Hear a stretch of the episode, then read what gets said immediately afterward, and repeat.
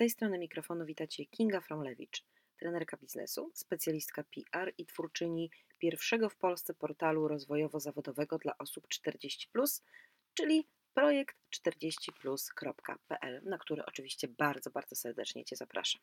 To jest podcast bez szyldu, czyli audycja o tym, jak po latach pracy dla kogoś i pod cudzą marką zacząć budować swoją rozpoznawalność opartą o własne doświadczenie i wiedzę. Wcale nie chodzi o rzucanie pracy i mityczny wyjazd w Bieszczady, a o to, żeby świadomie budować swoją pozycję eksperta, specjalisty, jeśli nie lubisz słowa ekspert, i być widocznym, czy to w swojej firmie, czy w ramach własnej działalności. Dzisiejszy odcinek zapowiadałam dwa tygodnie temu i muszę powiedzieć, y, że pomysł na niego był dość spontaniczny i urodził się po tym, jak miałam okazję zaobserwować na LinkedInie pewne zjawisko. I stąd właśnie pojawił się dzisiejszy temat, czyli czy marka eksperta budowana na kontrowersji i skandalu to dobra strategia?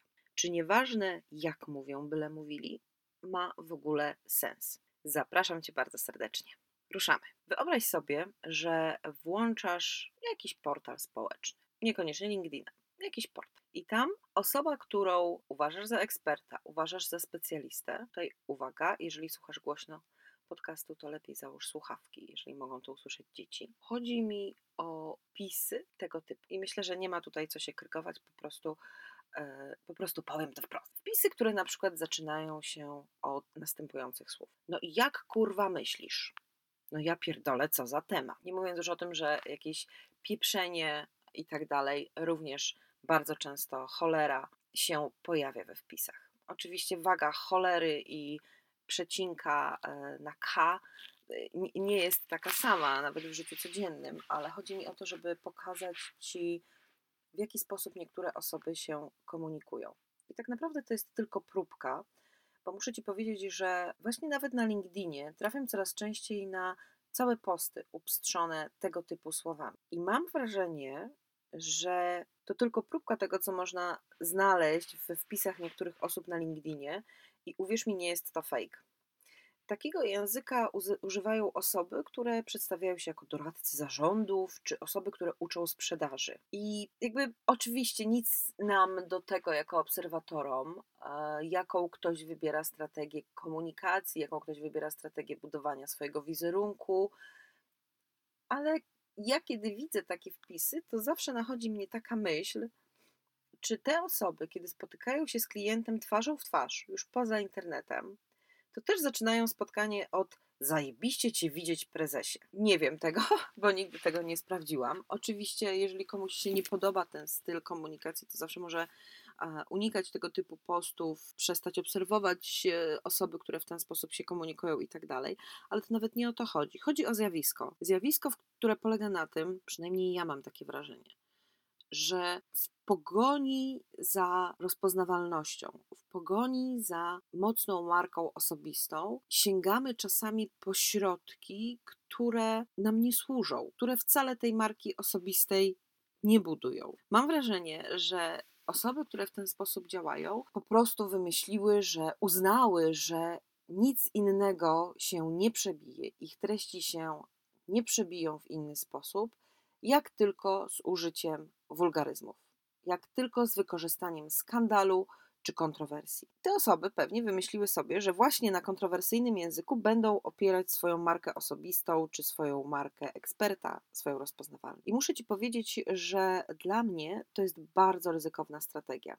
Ja o tym pisałam już w swojej książce Zostań królową PR, którą oczywiście możesz kupić na mojej stronie.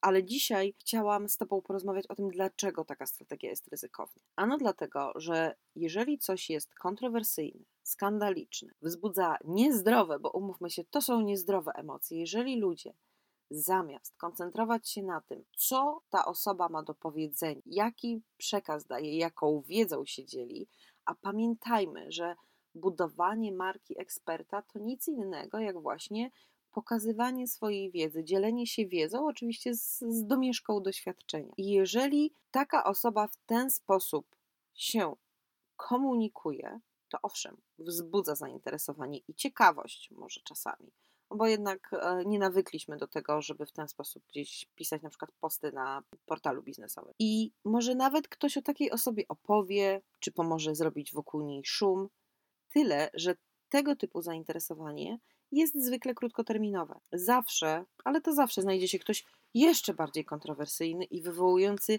jeszcze głośniejsze skandale. Trudno mi w tej chwili przypomnieć sobie mm, przykład z naszego podwórka biznesowego, takiej osoby, która aż tak bardzo na skandalu budowała swoją rozpoznawalność, ale mam przykład z pogranicza biznesu i polityki, czyli Janusz Palikot. Na pewno pamiętasz, jak swojego czasu właśnie w kreowaniu wizerunku na skandalu był Janusz Palikot widowiskowe konferencje prasowe z różnego rodzaju rekwizytami, niewyparzony język. O tym się mówiło. Dużo ludzi tym żyło, komentowało, udostępniało z heheszkami bądź z oburzeniem, ale udostępniało. To jednak bardzo krótko trwało, jak tak teraz z perspektywy czasu o tym pomyślisz. Trwało to do momentu, dopóki nie pojawił się kolejny polityk, który był zdecydowany na zdobycie nagłówków w gazetach za wszelką cenę i jeszcze bardziej kontrowersyjny. I teraz, jeżeli kiedykolwiek zastanawiałeś się nad tego typu drogą dla siebie, dla swojej marki eksperta, dla swojej marki e, osobistej, to zastanów się, czy chcesz być w ten sposób, e, czy chcesz być taką, takim meteorytem na nieboskłonie biznesu, który owszem zalśni gwałtownie i bardzo mocno i wszyscy go zauważą, ale bardzo szybko się wypali, bo budowanie na kontrowersji jest po prostu krótkotrwałe.